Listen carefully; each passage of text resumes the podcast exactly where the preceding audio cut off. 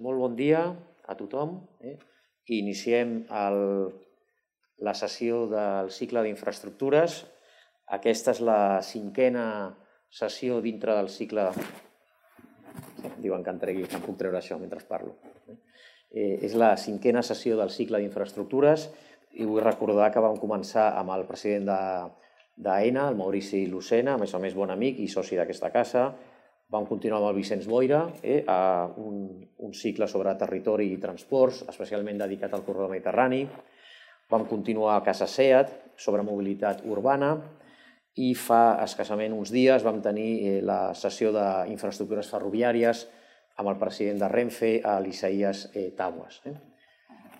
Ara tenim la, la gran sort i el privilegi de tenir amb nosaltres a, la, a Mercè, a la Mercè Conesa, presidenta del Port de Barcelona, per parlar-nos de, del port i, a més a més, amiga i, a més a més, eh, forma part de la Junta Directiva del Cercle d'Economia, amb la qual molt benvinguda aquí a casa teva, Mercè. I donar les gràcies eh, molt especialment al BBVA, eh, que és el patrocinador d'aquestes jornades, i el seu director regional de Banca d'Empreses, el Joan Piera, també bon amic. Joan, moltes gràcies pel teu recolzament i et passo la paraula. Molt bé. Doncs eh, gràcies, Xavier, i... bueno, això s'ha quedat enganxat. I doncs, benvinguts amb aquest, amb aquest format eh, virtual que ens hem, ens hem ja acostumat, o estem acostumant a, a fer les sessions amb, amb aquest format i com, com deia el Xavier, doncs, amb aquest cicle volíem donar-li una, una volta tota, a tot el món de les infraestructures eh? Eh, i hem fet aeroports, hem fet corredor, hem fet trens, eh? hem fet mobilitat. Avui jo crec que toca un, un, un punt important de, del món marítim i, i, i ports, i ens quedarà després una, una última sessió eh, que també està molt enganxada amb temes d'actualitat d'avui de, del 5G, eh, que la, intentarem, si, si tot ho permet, fer-la eh, abans de, de final d'any. I jo amb el, el Port de Barcelona, jo crec que, que el coneixem eh, tots, però eh, fins que un no va allà no, no se n'adona realment de, del que és és el, el primer port a, a Espanya per volum de, de facturació. Eh? Si ho contem per contenidors, doncs segurament encara ens falta una mica per, per moure una mica més de, de contenidors. Eh? Eh, però després també té una, una altra vessant que molts ports, ports tenen, que és eh, ser el primer port del Mediterrani amb, amb persones amb, i, amb, i amb creuers. Eh, I això realment jo crec que li dona una, una situació bastant, bastant única. Vaig tenir l'oportunitat ara fa any i mig de veure amb la delegació de consellers de BVA Mèxic eh, al port i realment quan fas eh, la visita amb, amb el barco veus realment la dimensió i ja eh, d'això doncs, fa, ja dic, doncs, eh, any i mig, doncs ja estava la cosa com avançada amb el món de l'electrificació, o sigui que ja es veu que és un, un port pensat eh, pel futur i jo crec que és eh, de les coses que ens parlarà bastant avui la, la seva pre presidenta. I, I jo crec que, Mercè, moltíssimes, moltíssimes gràcies per, per participar-hi i, i esperem molt d'aquest aquesta gran infraestructura que tenim i que ens fa sentir orgullosos a, a Barcelona. Gràcies. Molt bé, doncs uh, moltes gràcies a tant al president del Cercle d'Economia, el Xavier Faus, com al Joan Piera de BBVA. Moltes gràcies per aquesta oportunitat de compartir amb els socis sòcies del Cercle d'Economia, però també amb aquelles persones que ens vulguin seguir, eh, com es posiciona el Port de Barcelona davant uns reptes eh, que són capdals, no? entre ells doncs, el Green Deal europeu, però també com hem eh, encarat eh, aquesta situació de pandèmia, de la qual, evidentment, els ports no, no en són exempts. I voldria fer èmfasi en eh, precisament l'estratègia del port, perquè a final d'any el Port de Barcelona estarà en disposició d'aprovar el nou pla estratègic pels futurs cinc anys I en aquest nou pla estratègic ja veurem clarament uns vectors que, van que seran fonamentals, que són les palanques de canvi eh, en base a la innovació, a la digitalització i a la sostenibilitat. Jo compartiré una, una presentació per fer doncs, més eh, amable la meva explicació i bàsicament iniciaria eh, dient que la missió dels ports és la d'esdevenir una infraestructura que genera prosperitat a les comunitats. Per tant, eh, quan nosaltres parlem d'infraestructura, i en la sessió, aquest cicle del cercle, s'ha parlat de moltes infraestructures, estem parlant d'una banda del hard, de, de, de l'obra eh, física que suposa la infraestructura, però també estem parlant del soft, de tot allò que la infraestructura comporta. I la infraestructura, en definitiva, comporta progrés. La infraestructura, en definitiva, mm, quan està eh, al servei de la societat, com és doncs, el cas de la infraestructura del Port de Barcelona, el que fa precisament és ajudar a acompanyar les empreses en la seva doncs, competitivitat, en la seva internacionalització, en la seva exportació, acompanyar-les en la cadena logística i, per tant, a mi m'agrada molt dir que l'objectiu que té a tota infraestructura és portar, aportar valor afegit, tant valor econòmic com valor social com valor ambiental. Si ens fixem, el Port de Barcelona, evidentment, és un motor econòmic.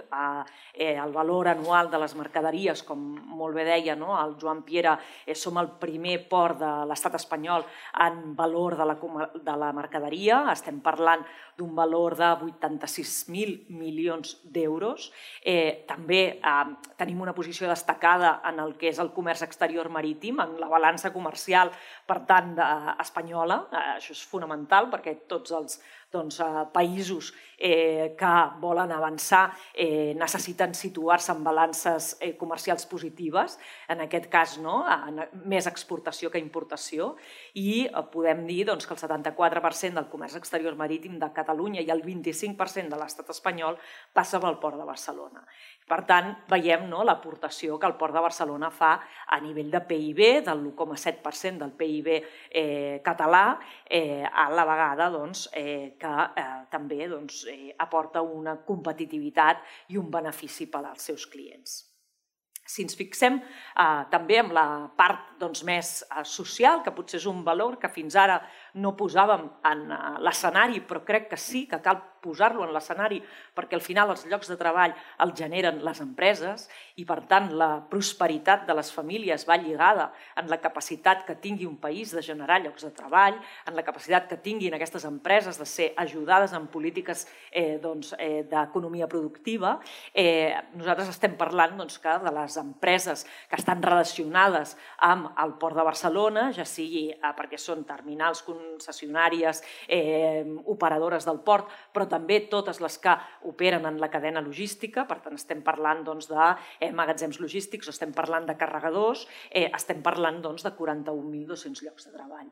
I, per tant, és molt important, suposa l'1,1% de l'ocupació de Catalunya. I també eh, pensem i ho posem a sobre la taula que els ports han d'aportar valor ambiental. I per això posem en aquest eh, doncs, eh, tercera, eh, tercer punt de contingut eh, quines són les emissions anuals de CO2 de l'activitat portuària. I eh, si tenim en compte que a la ciutat de Barcelona eh, hi ha una, un, 3 milions, 3,4 milions de tones de CO2 que es generen de totes les activitats de la ciutat, això vol dir eh, doncs el, la mobilitat, eh, vol dir les indústries, vol dir els edificis, vol dir també les activitats doncs, diverses, entre elles la portuària. D'aquest 3,4 eh, d'aquests 3,4 milions de tones de CO2 de Barcelona, el port és responsable de 315.000 eh, tones. I nosaltres les hem analitzat, les hem desglossat amb les següents. 210.000 són provinents dels vaixells, 78.000 del consum elèctric de les instal·lacions del recinte portuari i 20.000 eh, de doncs, la maquinària, els vehicles més, més, més lleugers. Eh? Per tant, jo crec que això és important perquè és un paràmetre i un indicador que ens ajudarà a veure quins objectius ens fixem de cara al futur amb una estratègia que va absolutament alineada amb els objectius de desenvolupament sostenible i precisament amb el Green Deal europeu. Però no vull avançar sense fixar-nos en les dades actuals, no? perquè crec que és important que coneguem com ha patit el port de Barcelona la pandèmia i en aquest cas compartim doncs, aquestes dades eh, encara eh, sense tenir tancat l'any però on veiem clarament que hi ha una important davallada del tràfic total en milions de tones. Per tant, estem parlant d'un 18,4% eh, menys eh, respecte al 2019. Això és un impacte, és un impacte en els nostres ingressos i serà, després ho veurem, un impacte també en el nostre compte de resultats. Fixem-nos que eh, doncs, aquests tràfics no ens donen una perspectiva doncs, molt eh, positiva, en el sentit que tots els percentatges estan en negatiu i eh, podríem doncs, dir que eh, hem de eh, doncs, tenir cert desànim, però no és així, perquè en aquest darrer eh, semestre eh, les xifres estan eh, creixent i estan recuperant-se i no tenim cap mena de dubte que l'any 21 i 22 seran anys de recuperació. I, de fet, ja hi ha uns indicadors que així ens ho diuen, com poden ser acords eh, d'algunes de les terminals per portar més tràfic al Port de Barcelona o poden ser, per exemple, iniciatives que té el propi Port de Barcelona en relació a una nova eh, doncs, terminal de vehicles eh, que sortirà doncs, a concurs i que pretén doncs, eh, incrementar el, el tràfic en aquest eh, sector de l'activitat. Per tant, si ens fixem, eh, el port venia d'uns creixements espectaculars, si ens fixem els creixements de tràfic que havíem tingut 17, 18 i 19 havien estat realment espectaculars. Nosaltres dèiem que el 19 era un any de consolidació d'aquests tràfics i que a partir del 20 venia una estabilització. Evidentment, la pandèmia el que ens fa és aquest retrocés, però eh, nosaltres estem molt convençuts que podrem recuperar-lo eh, molt ràpidament. Aquí si ens fixem en els diferents doncs, eh, sectors, ens podem fixar en què els contenidors eh, han tingut doncs, aquesta davallada, però a causa d'un factor molt important. Eh, la davallada es, es, es deu eh, concretament al transshipment. El transshipment, que és el transbordament d'un contenidor de vaixell a vaixell, eh, ha deixat de produir-se a Barcelona i ha marxat a produir-se a rutes més properes a l'estret de Gibraltar. Això ens fa que nosaltres detectem a través del nostre DAFO i de les tendències de futur que clarament el port de Barcelona es situa com un port eh, d'exportació i importació. Per tant, nosaltres no som un port fort en transbordament, quan ens ve transbordament, evidentment, doncs és molt benvingut, però la nostra fortalesa està en el, eh, en el hinterland, en el eh, import-export i les exportacions han aguantat molt bé. Eh, de fet, la caiguda de l'exportació eh, en els darrers mesos és només d'un 4% respecte a l'any anterior. Això vol dir que eh, el nostre teixit productiu està resistint a, la, a la, la pandèmia i està resistint a la internacionalització. Evidentment, aquí potser la dada que destacaríem com la més negativa és la de passatgers, on, evidentment, els creuers cauen en un 91%. Després podrem veure les repercussions que això té. Si ens fixem en els resultats econòmics i fem un abans una previsió de tancament d'aquest any 2020, bueno, el port tancarà amb uh, un import net de xifra de negoci d'un 21% menys. Eh, és significatiu, eh, però eh, per nosaltres el significatiu també és aquest, el resultat d'explotació, no? eh, que, on, on trobem realment una baixada dràstica amb un 78% d'aquest resultat d'explotació. I per què? Doncs volem explicar que aquest, eh, aquest eh, canvi es deu a que eh, el Consell d'Administració del Port no ha prioritzat el resultat d'explotació ni el resultat de l'exercici, sinó que ha prioritzat poder atorgar liquidesa i bonificacions als nostres concessionaris. Per tant, acompanyar les empreses amb una sèrie de mesures molt importants, concretament s'han aplicat d'aquest resultat d'explotació i hem de restar gairebé 11 milions d'euros que han estat bonificacions directes a les empreses concessionàries del port. Un altre eh, factor que hem de computar-hi és 12 milions d'euros que hem deixat d'ingressar directament dels eh, creuers, i això també és un altre impacte important en el resultat d'explotació, i l'altre, evidentment, es deu a la baixada doncs, de tràfics. Però, eh, com dèiem, tancarem doncs, amb un resultat eh, positiu eh, i amb l'objectiu de que el 2021 ja es produiran canvis de manera important i, per tant, aquest per nosaltres no és un any en fixar-nos en el resultat de l'exercici, sinó és un any en eh, poder eh, donar circulació a la màxima tresoreria per a les empreses del port perquè puguin continuar generant tràfics positius i recuperar el més aviat possible la situació que havíem tingut l'any 2019. Bé, tot això eh, s'emmarca doncs, dins una estratègia verda eh, que ve doncs, presidida pels objectius de desenvolupament sostenible, per al Green Deal europeu i per una sèrie d'aliances que el Port de Barcelona està disposat a fer, de fet algunes ja eh, estan a sobre la taula i d'altres seran aliances amb l'empresa privada eh, de cara al futur. Eh, els, eh, els uh, Sustainable Goals uh, els, els coneixen vostès perfectament. Eh, nosaltres ens focalitzem en alguns en concret i principalment aquells en què es uh, refereixen al Climate Action, tot i que jo vull insistir com a dona presidenta del port que també treballem en el gol d'igualtat de gènere. Aquest no el deixem mai de banda. Eh, en relació al Green Deal, eh, l'estratègia de recuperació de la Unió Europea per sortir doncs, de la crisi, en aquí nosaltres ens centrarem en els projectes d'energies renovables, especialment eòlica i solar, i l'economia d'hidrogen net, i també en tot el tema de la intermodalitat. I en aquí, eh, per nosaltres, la intermodalitat i el transport ferroviari és una aposta capdalt. Aquí eh, volem destacar, d'una banda, que el Port de Barcelona és el port de l'Estat que més quota ferroviària té. Això és molt positiu per part nostra perquè vol dir que ja estem molt acostumats a tenir unes eh, xarxes ferroviàries eh, regulars de manera que ens connecten amb el port sec de, de Saragossa o ens connecten directament amb Azuqueca a Madrid o ens connecten directament amb Europa. El port de Barcelona és l'únic de tot l'estat espanyol que està connectat directament amb Europa i això fa que la nostra quota ferroviària, per exemple, en vehicles, sigui del 34% eh, de tota la càrrega que gestionem i eh, que el, en el cas de contenidors sigui del 13%. Estem parlant que els ports espanyols en aquest moment tenen una quota ferroviària del 4%. Aquest és un focus molt important de cara a rebre inversió de la Unió Europea. I aquí anem absolutament alineats amb ADIF, amb el, eh, també amb el Ministeri de Transports, per poder disposar de fons europeus que ens permetin eh, abordar, d'una banda, la línia de 750 metres eh, ferroviària de Port de Barcelona fins a Saragossa, de manera que ens permetrà eh, carregar trens eh, més llargs i podrem doncs, garantir eh, molta més eficàcia i eficiència en aquesta cadena logística.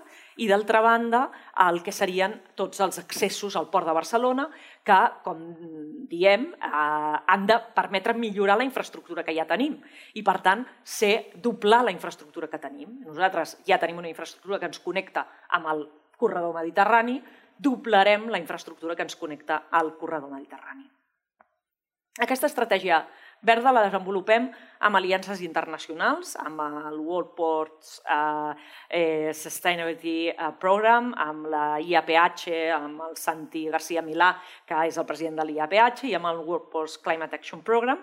Eh, I, eh, concretament, el Port de Barcelona lidera un grup que és el Power to Ship. El Power to Ship és el grup que eh, està liderant un projecte en concret per subministrar electricitat als vaixells que arriben a port on eh, puguem garantir que eh, doncs, eh, serem un port zero carbon o zero eh, amb, neutre amb emissions en els propers, propers anys. Bé, per tant, aquí tenim diverses eh, accions que eh, focalitzen tota la nostra atenció i que eh, estan estructurades per millorar la qualitat de l'aire, que és un dels objectius doncs, que eh, tenim marcats tant pels, eh, eh, pels eh, Sustainable Goals com pel Green Deal, com per també les polítiques que ha aprovat eh, la Generalitat de Catalunya.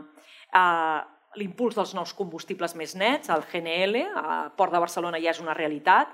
Nosaltres som un hub de recàrrega de GNL I en aquest moment la, hi ha diferents empreses eh, que presten serveis portuaris, com el servei de bunkering, que avui són capaces de eh, doncs, subministrar GNL a vaixells. De fet, hi ha vaixells que venen només a, a fer una escala per ser subministrats amb GNL i continuen la, la seva ruta.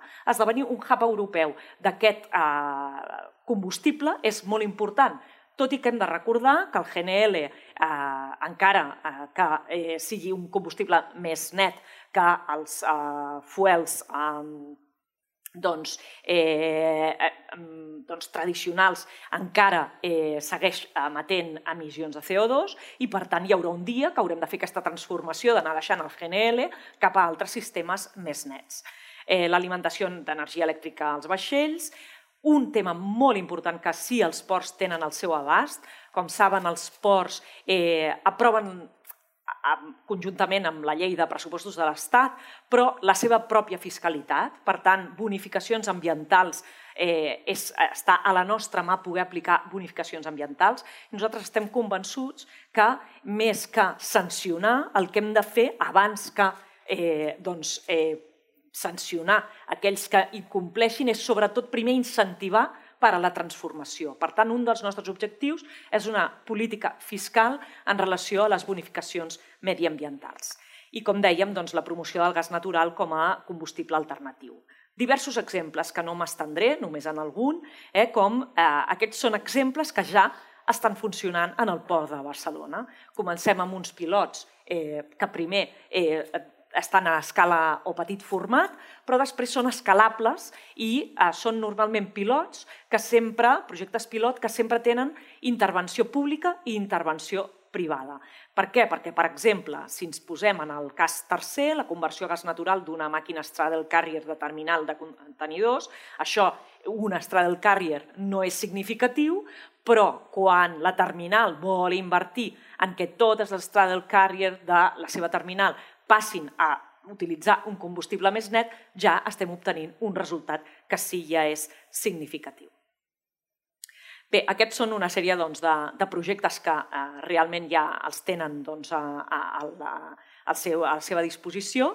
De fet, la conversió del ferri Ropax per l'ús de gas natural a tota l'estada al port, en aquí podem posar, per exemple, l'exemple doncs, de Baleària.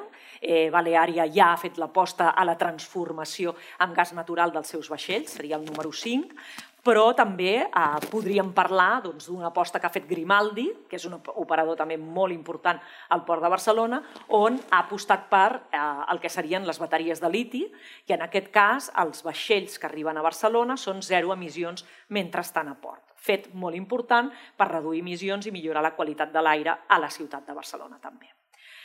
Dins d'aquestes actuacions, nosaltres tenim una actuació que m'agrada dir-li que és l'actuació estrella, que és el Power to Ship, en el que liderem aquests projectes internacionals, que aquí eh, passaria per precisament poder dotar d'aquesta infraestructura elèctrica, tenir un grid, un, un grid propi, eh, per dotar eh, tots els molls d'energia elèctrica. Aquí el nivell de potència que es necessita és molt rellevant i per això nosaltres hem volgut desenvolupar aquest projecte de la mà del Ministeri de Transició Ecològica i de la mà de Red Elèctrica Espanyola, amb l'objectiu de poder disposar d'una connexió, un grid amb una línia d'alta tensió directament eh, cap al port i després poder dotar de tota aquesta infraestructura bàsica a, al port. Aquest és un projecte eh, que no és a curt termini, és a mig i a més llarg termini, però que no tenim cap mena de dubte que és un dels projectes que ens podrà garantir que serem un port que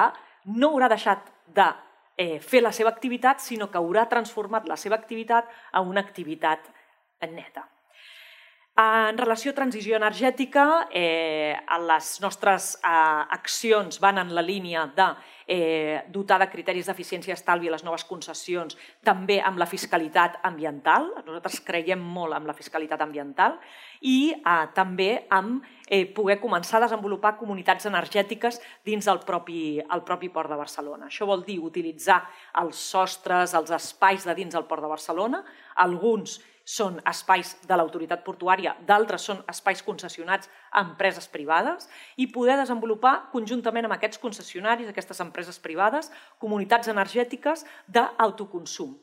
I aquí necessitarem el suport de l'empresa privada, el, el, el partenariat público-privat, perquè el Port de Barcelona no sap eh, de gestió energètica, no és expert en gestió energètica. El Port de Barcelona el que té clar és que aquesta és una palanca per assolir una, eh, doncs, uns objectius de desenvolupament sostenible, per assolir un consum eh, doncs, a menys cost, per assolir eh, doncs, una energia més neta, però no som experts. I per tant aquí és en un dels punts on en un futur eh, relativament eh, proper voldrem desenvolupar les nostres aliances público-privades.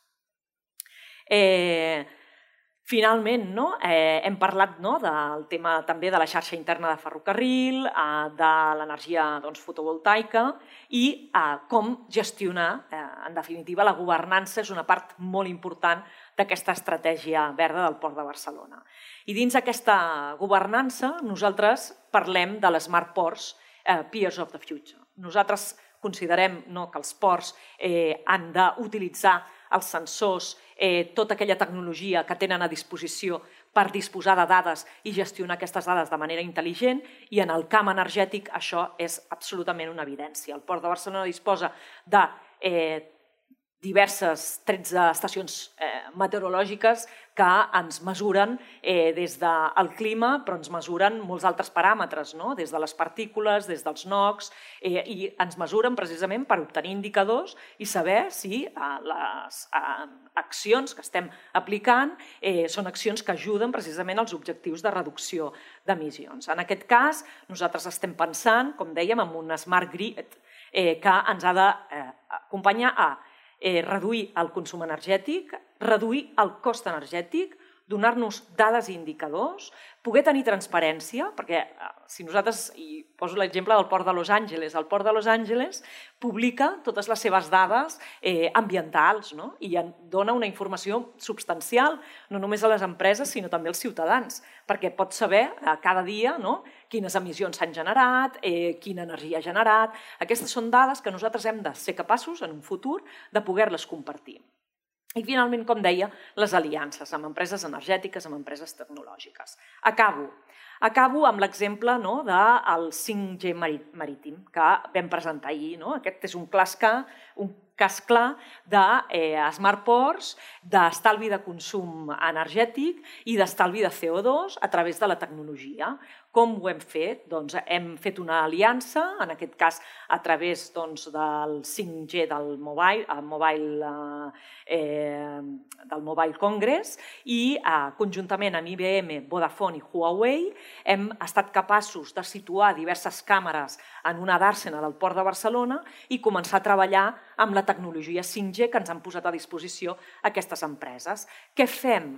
Podem aquí, millorem l'operativa del port, millorem les operacions marítimes, les fem més segures, però a la vegada les fem més ràpides i si les fem més ràpides vol dir que eh, el motor del vaixell està menys estona encès, de seguida es pot connectar a l'electrificació o pot posar el sistema, doncs, per exemple, en el cas del de Cruz Roma o Cruz Barcelona de Grimaldi, pot posar eh, doncs, a funcionar les bateries i, per tant, es redueixen emissions. No? Per tant, estem aconseguint eh, ser més resilients, en definitiva, buscant aquests objectius que ens hem marcat que serien bàsicament en relació als objectius de la Unió Europea a 2030, la reducció del 51% de NOx, el 25% de les PM10, el 24% de les PM2,5 i eh, doncs, esdevenir, en definitiva, eh, doncs, eh, un port neutre en, en emissions, no? anar reduint doncs, la, petjada, la petjada de carboni. Eh, objectiu a assolir, eh, que no serà fàcil, eh, però si contem amb els suports, les aliances i eh, sobretot l'acció de l'empresa privada, de la iniciativa privada impulsada per, com deia, les bonificacions fiscals, podem esdevenir un port neutre en emissions al 2050 i aquest seria el nostre desig i aquesta és la nostra estratègia verda i jo ho deixo aquí per a totes aquelles qüestions que pugueu tenir. Moltes gràcies. Molt bé, doncs, no això.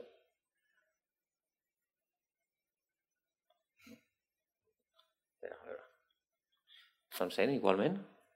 Sí, vale, doncs amb la mascareta igualment. Pues sí, mira, Mercè, moltíssimes gràcies. Tenim diverses preguntes. Eh, que me les han fet arribar. Eh, tenim com cinc o sis preguntes.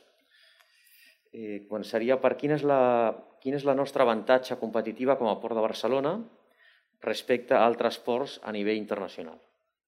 Bé, Bé, la nostra avantatge competitiva, al, al nostre entendre, és que tenim un hinterland eh, molt ben treballat, és a dir, tenim una connexió eh, molt important amb el hinterland i que eh, podem esdevenir eh, la porta eh, d'Àsia cap a Europa. Aquest és un punt i un factor de competitivitat del port de Barcelona. Situar-se com a gateway port de la mercaderia que arriba d'Àsia cap a Barcelona. Però per esdevenir eh, això, que en aquest moment eh, hi estem treballant i de fet ja tenim un pes important eh, en relació a la importació de mercaderies que arriben d'Àsia, necessitem espai logístic, per tant, poder desenvolupar, eh, doblar l'espai logístic que hem vingut disposant, hem vingut desenvolupant fins ara, eh, per eh, que aquesta estratègia sigui possible. En aquest moment eh, estem acabant la nau eh, de més de 100.000 metres quadrats per Decathlon, on Decathlon farà tota la seva recepció de mercaderia eh, des d'Àsia per des de Barcelona distribuir-la arreu d'Europa. Necessitem més espais de 100.000 metres quadrats eh, per disposar de naus de 100.000 metres quadrats o més. I aquest és un esforç que hem de fer col·lectivament, que l'hem de fer juntament amb Zona Franca, que l'hem de fer juntament amb AENA, que l'hem de fer amb tots aquells que disposem de possibles espais logístics per situar aquest hub logístic de distribució cap a Europa acompanyat per, precisament del tràfic portuari. I aquest per nosaltres és un punt de competitivitat i un factor clau. Per tant, aquest és un dels punts que eh, nosaltres voldríem treballar eh, de manera o a manera d'aliança. De la mateixa manera que doncs, acabem de eh, fer una, una aliança amb el port de Busan per tal que el port de Busan, conjuntament amb empreses coreanes, situïn una nau eh, d'entre 30.000, aproximadament 30.000 metres quadrats a eh, doncs, la zona logística del Port de Barcelona i per tal que la mercaderia de Corea prioritzi l'entrada a través de Port de Barcelona. Per tant, aquest per nosaltres és un factor de competitivitat. Ara bé, necessitem millorar processos, com són els controls de sistema de, de, de duanes, sistema de control de mercaderia, necessitem agilitat.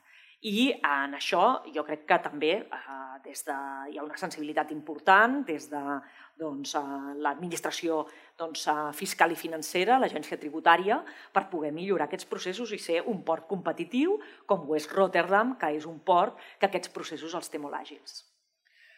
Molt bé, doncs mira, eh, hi ha diverses preguntes més.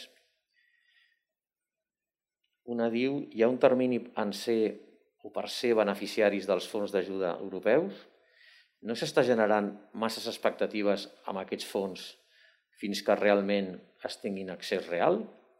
Després et faig una segona i així ja... Podries posar alguns exemples de les aliances público-privades que has comentat? Sí. Bé, els fons europeus s'estan treballant. L'estat espanyol ha presentat el primer draft eh, i la primera proposta de com voldria o què voldria prioritzar. No s'aprovarà realment el fons fins al gener del 2021. Per tant, efectivament, s'estan creant expectatives eh, que, al meu entendre, eh, tenen raó de ser, perquè estem en un moment de pandèmia amb grans dificultats no? d'inversió, però que eh, haurem de eh, mesurar molt bé quins són els projectes que es eh, seleccionen perquè siguin projectes que estan perfectament preparats per eh, ser licitats i executats. I els seus processos de licitació i execució haurien de ser molt àgils. Amb els processos de licitació actuals eh, i la normativa espanyola de licitació és molt difícil que alguns dels projectes en els que s'està pensant puguin ser una realitat en els terminis que posarà la Unió Europea. Per tant, sí, és bo posar una alerta en aquest, en aquest tema, eh, però és evident que eh, hem d'intentar eh, que projectes que de fet ja teníem, com pot ser el projecte dels accessos al Port de Barcelona, que és un projecte clarament que eh, doncs el que va és a millorar les operacions, és un projecte que ha de ser valorat en relació al seu retorn econòmic, que té un retorn econòmic importantíssim, però també el seu retorn ambiental, o per exemple, eh, com dèiem, no, el desenvolupament d'aquesta línia de 750 puguin ser prioritzats dins aquests fons, fons europeus, eh, perquè aquests projectes sí que estan a punt per la seva licitació. I, per tant, amb un tràmit ràpid de licitació podríem avançar. Exemples d'aliances, bueno, crec que he posat el d'IBM, Huawei i amb el 5G, no? doncs amb tema d'energia, de mm, bueno, vindria doncs, també a, a, a ser el mateix, no? intentar trobar a través doncs, de bueno, di, diversos projectes pilot, eh, unes aliances amb empreses eh, energètiques, però també no, a, a través de concurs, perquè nosaltres al final som una administració pública que haurem de fer el concurs corresponent per veure com es fa aquesta gestió energètica dels diferents espais del Port de Barcelona. Molt bé, doncs mira, abans de continuar, perquè es van, es van acumulant, també tenim quatre o cinc preguntes més, el Joan m'ha sí. la paraula. No, jo, jo tenia una, una pregunta, però faig primer una, una observació que m'ha semblat, semblat bastant espectacular, una xifra que has donat de 12 milions d'euros d'ajudes directes als, als concessionaris, eh, que realment em sembla eh, una, una, un percentatge d'ajuda molt important, tenint en compte el vostre eh, compte de resultats per... 10,9, 10,9, 11 milions, 10,9. Per fer-los per fer aquests, aquests concessionaris, suposo que durin, que durin més temps i tal, no? Com, com a dada, no? I, i, I com a pregunta parlaves també de, eh, de, de, del tema de la sostenibilitat i de l'entrada intentar ajudar els vostres, els vostres eh, clients també amb, amb aquest tema. Ho feu via bonificació del preu o via penalització el que no sigui realment tan sostenible? Bonificació, sí. Sempre nosaltres intentem utilitzar les bonificacions. Com, com deies, clar, la xifra és, és molt espectacular, però ens hem de fixar en què nosaltres, el nostre sistema de finançament, és un sistema a través del qual eh, nosaltres aprovem unes tasses i aquestes taxes no, eh, bueno, intentem, el que hem intentat és accelerar una bonificació molt important d'aquestes taxes. I això se'ns ha recolzat per part de Puertos del Estado, eh, s'ha aprovat eh, per part doncs, de, del govern de l'Estat i en aquest sentit nosaltres hem, hem, hem fet dues coses. D'una banda hem fet bonificacions a les diferents taxes, la tassa d'ocupació, de, de, la tassa d'activitat, eh, la tassa de, de, del vaixell i eh, hem també reduït els coeficients que teníem per calcular-les, per poder en aquest moment afavorir el, el tràfic marítim i, per tant, per afavorir que les empreses no es veiessin eh, molt agobiades i disposessin, per tant, d'aquesta liquiditat. Per tant, si ho fem eh, sempre. I, les, I els incentius també són via eh, bonificació prèviament aprovada. Molt bé. Doncs mira, vaig continuant. Sembla que tenim temps fins a les dues, no?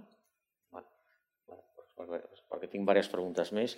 Hi ha una pregunta que, que sobre els creuers mm. eh, i, i pregunta si en quin moment esteu vosaltres pensant que tornarà al nivell de creuers del 2019 i si en aquest moment de Covid ens pot, ens pot fer perdre la posició de lideratge que tenim en aquests moments quan es recuperi el, el turisme de creuers. Bé, aquest és un tema que ens preocupa moltíssim perquè bé, nosaltres hem desenvolupat una estratègia pròpia eh, en relació doncs, a la, a, als creuers.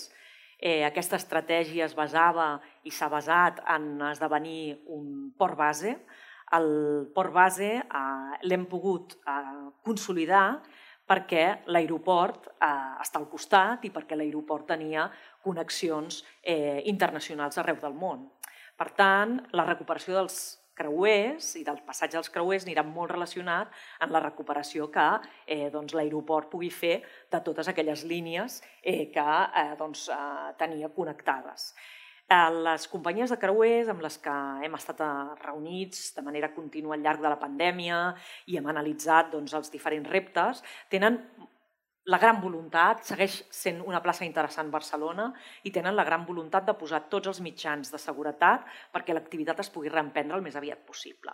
Però és, és evident que dins el context de pandèmia nosaltres també hem de buscar aquelles complicitats amb l'administració de sanitat i, eh, diguéssim, poder donar un marge per tal que aquelles administracions competents puguin aprovar uns protocols de manera que l'activitat es pugui recuperar. Eh, nosaltres eh, en aquest moment ja tenim eh, conjuntament amb CLIA, amb eh, les eh, companyies per tant de creuers i conjuntament amb Puertos del Estado un protocol que permetria recuperar l'activitat. Aquest protocol l'hem sotmès a les diferents autoritats sanitàries i el nostre objectiu seria, mica en mica, anar buscant la confortabilitat per tal que de cara doncs, el 2021, a la primavera, poguéssim recuperar l'activitat. Si les bones notícies en relació a la vacuna eh, es confirmen, eh, pensem que això es podrà accelerar.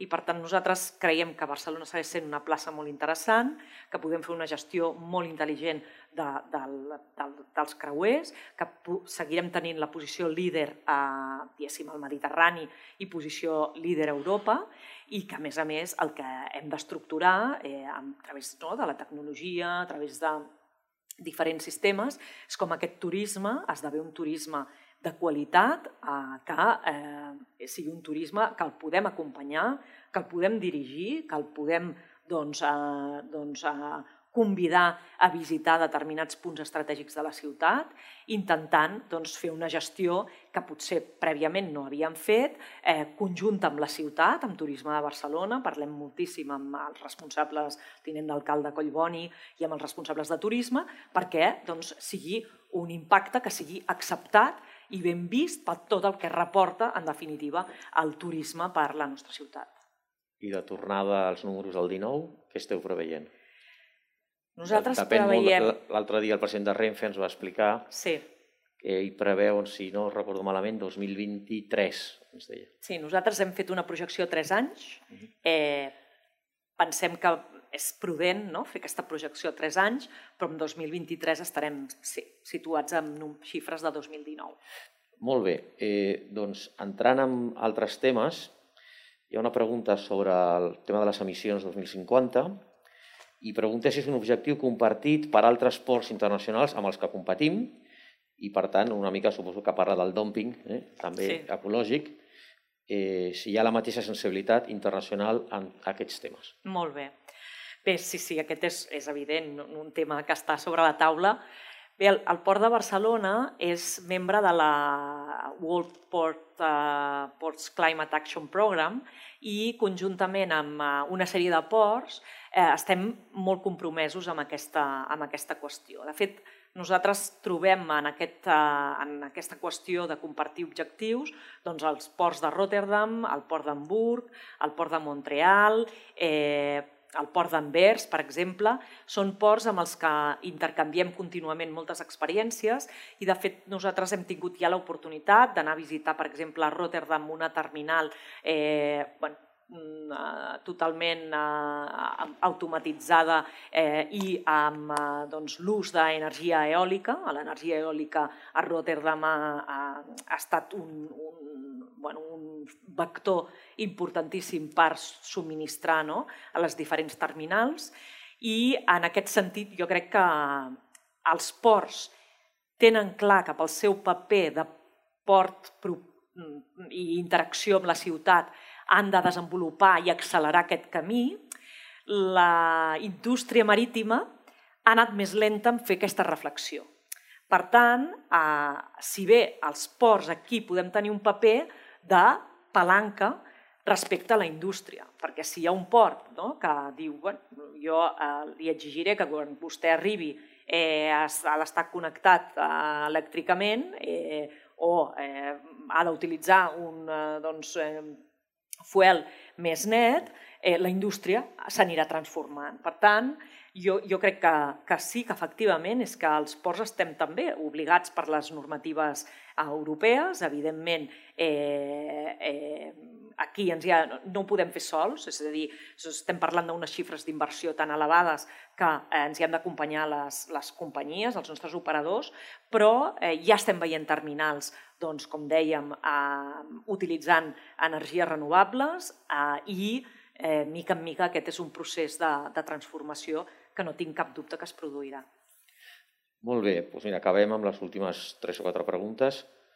Una parla del creixement futur del port. Eh, teniu tot l'espai ja esgotat o hi ha més plans de, de creixement? Més enllà del hinterland logístic que has parlat, però com a port sí. hi ha més espai o hi ha... O hi ha, hi ha més espai, hi ha, hi ha més, més espai. espai. Sí, sí, sí. De fet, a nosaltres aquest any 2020 hem iniciat les converses per la declaració eh, d'impacte ambiental eh, en relació a bueno, poder diguéssim, dragar eh, tot l'espai del Moll Prat, eh, confrontant amb, amb Hutchinson, per veure eh, ja com podem eh, començar a, doncs, a planificar el desenvolupament i creixement de tota aquesta part de, de port, que seria doncs, aquesta part dels, de nous molls que anirien doncs, confrontats a on està la terminal en aquest moment que ocupa Hutchinson, que és la terminal vest. Per tant, sí, hi ha espai de, per créixer i tenim la voluntat de créixer. I ja pregunta meva abans de donar-li la paraula al Joan, i no us amoïna que la, si el sector de la indústria va cap a una reindustrialització, uh -huh. Això eh, intuïtivament té que anar en contra del, de, del trasllat de mercaderies des d'una part del món cap a una altra, no?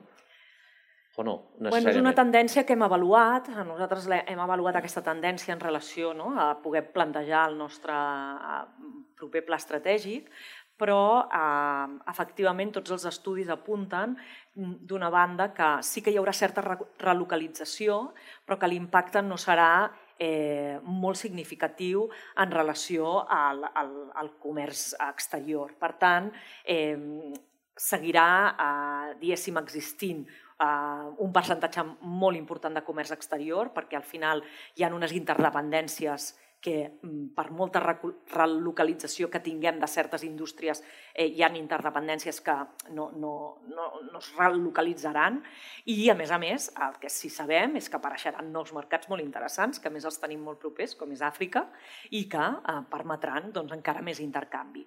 Per tant, és un tema que estem eh, avaluant, que estem diguéssim, seguint de prop, monitoritzant, però no és una qüestió que tingui a, a mig termini un impacte fort en la reducció del, del comerç marítim internacional. Mm.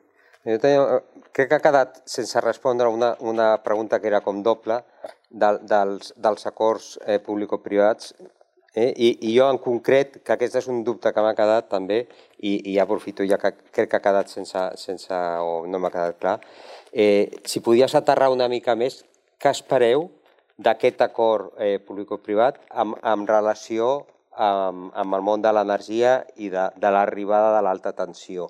Quin tipus de projecte ens podem imaginar o, o, o espereu que s'apropi més des del punt de vista privat?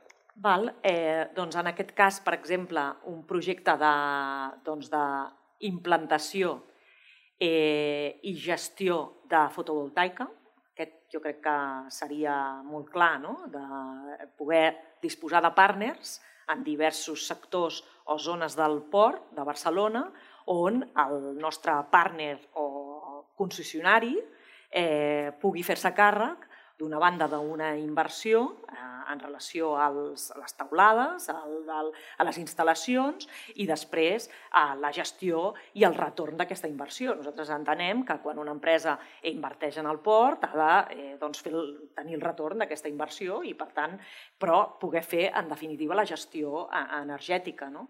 Eh, bé, nosaltres pensem que aquí hi ha camí per recórrer, no, encara estem estudiant no? a través de quin vehicle, quin instrument podem utilitzar eh, però aquesta és una qüestió que tindrem a sobre la taula, l'haurem de treballar de manera intensa a tot aquest any 2021 perquè efectivament eh, pensem que aquí eh, podem trobar moltes empreses interessades en poder fer gestió eh, energètica d'una part del Port de Barcelona.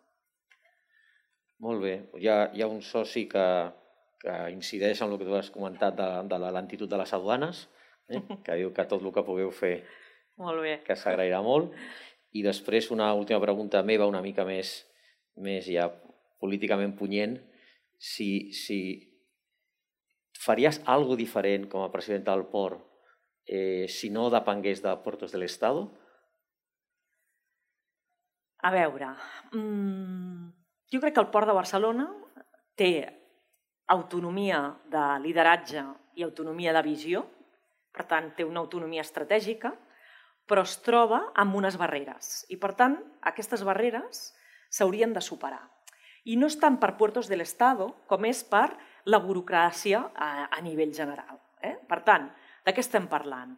Eh, hi ha una sèrie de controls eh, que no tenen cap sentit al meu entendre. No té cap sentit que per eh, tirar endavant una licitació de 6 milions d'euros haguem de disposar de l'autorització del secretari d'Estado o eh, per una eh, licitació de 12 milions d'euros haguem de disposar de l'aprovació prèvia del Consejo de Ministros. Perquè això és, és, és en l'antic, quan aquesta licitació té els informes previs, té l'informe de, de, de, de l'advocat, eh, advocats del port, eh, compleix les normes de eh, concurrència, eh, seguretat, eh, transparència. Per tant, hi ha una sèrie d'aspectes eh, burocràtics que no tenen massa sentit avui dia i que no permeten agilitzar doncs, eh, bueno, eh, doncs els, els tràmits. I això és el mateix amb, en el cas de eh, doncs el, a tots els convenis que el, el port vol tirar endavant. El port de Barcelona no té competència per eh, tirar endavant un conveni eh, si no li aproven eh, des de Madrid. Home, eh,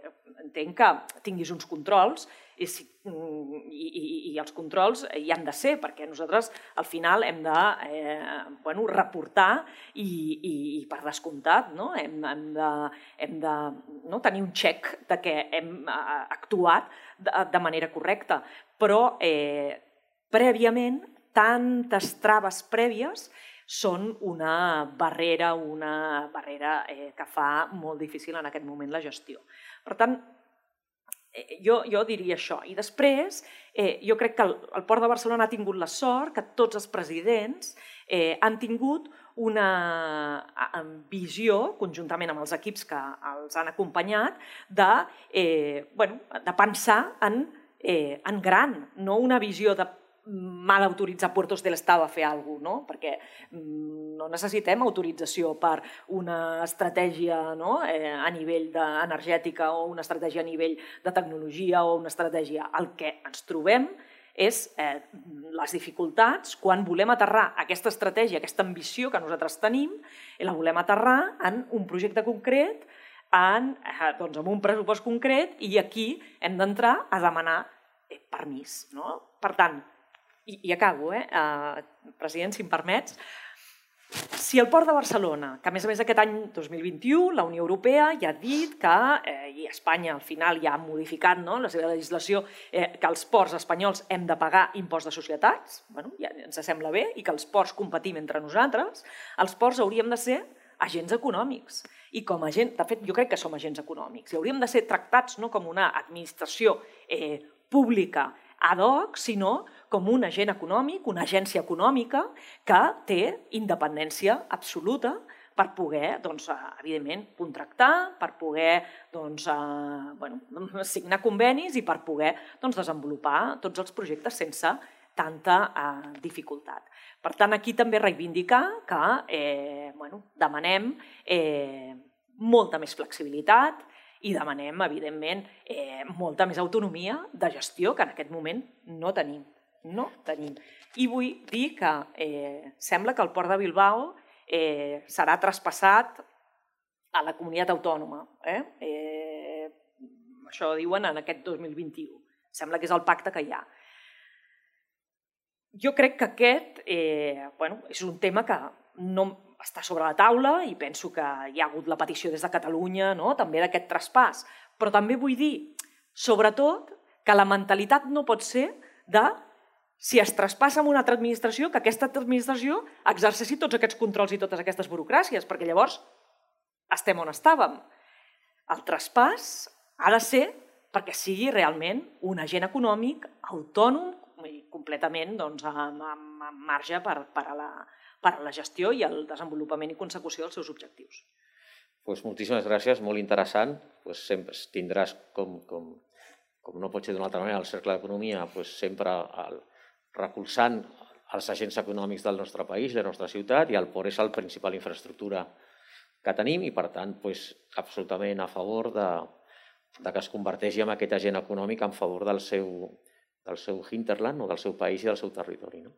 Si fem conclusions d'aquest cicle, doncs, el que has comentat ho debatrem i, i si s'aprova en Junta Directiva doncs, també ho subscriurem com a, com a cercle d'economia. Moltíssimes gràcies, gràcies pels teus esforços, gràcies per la teva ambició. Crec que és molt, molt important també el que has dit, que els presidents del port sempre han tingut ambició i això és el que ens fa tirar cap endavant com a país. Eh, moltes gràcies i fins a la propera. Gràcies.